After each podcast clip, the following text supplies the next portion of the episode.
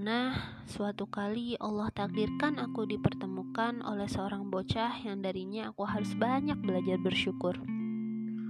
Aku tak mengenal siapa namanya, hanya saja kami dipertemukan di dalam busway menuju arah stasiun Tebet.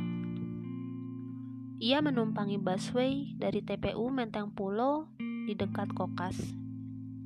Saat masuk busway saja, ia sudah terlihat ramah dengan berkata, permisi ke penumpang yang lain dengan nada halus dan sopan.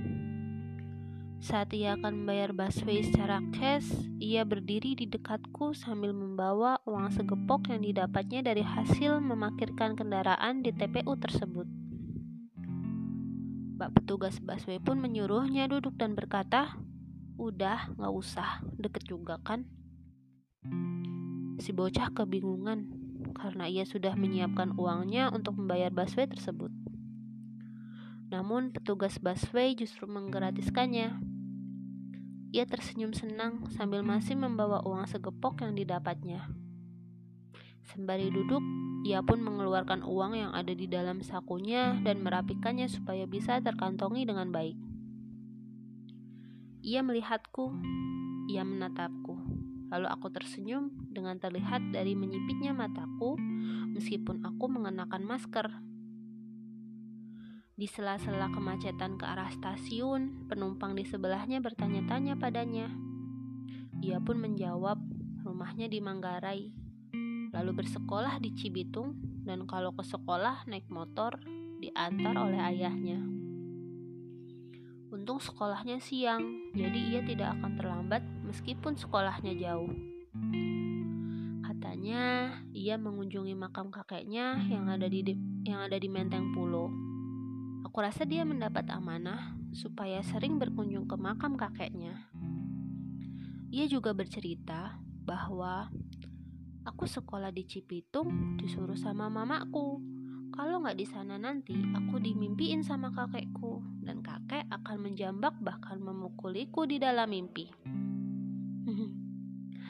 Kurasa si kakek sudah berpesan sama mamanya untuk bersekolah di Cibitung. Dia polos.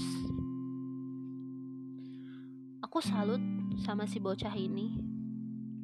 Karena ketika sampai di stasiun Tebet, tiba-tiba ia berjalan santai dan memberikan uang recehnya ke seorang kakek yang sedang duduk. Padahal uang tersebut adalah ongkos busway-nya yang tak jadi ia bayarkan. Bahkan ia masih tetap tersenyum dengan memberikan uang tersebut. Kalau dipikir itu uang masih bisa ia gunakan loh untuk ongkos naik kereta KRL sampai stasiun Manggarai. Rupanya pikirannya berbeda. Aku terenyuh, bahkan sangat terenyuh. Bagiku, berbagi itu tidak hanya sekedar harus memiliki materi banyak. Bocah ini adalah salah satu contoh yang buat aku malu pada diri sendiri.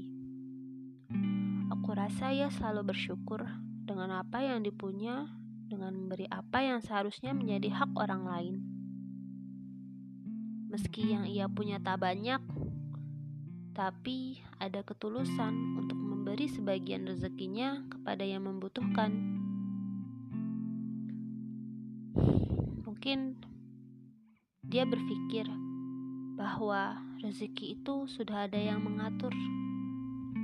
Jadi dia tidak akan pernah takut kalau dia tidak punya apa-apa. Dia masih punya Allah Maha Punya. Keren ya, masya Allah.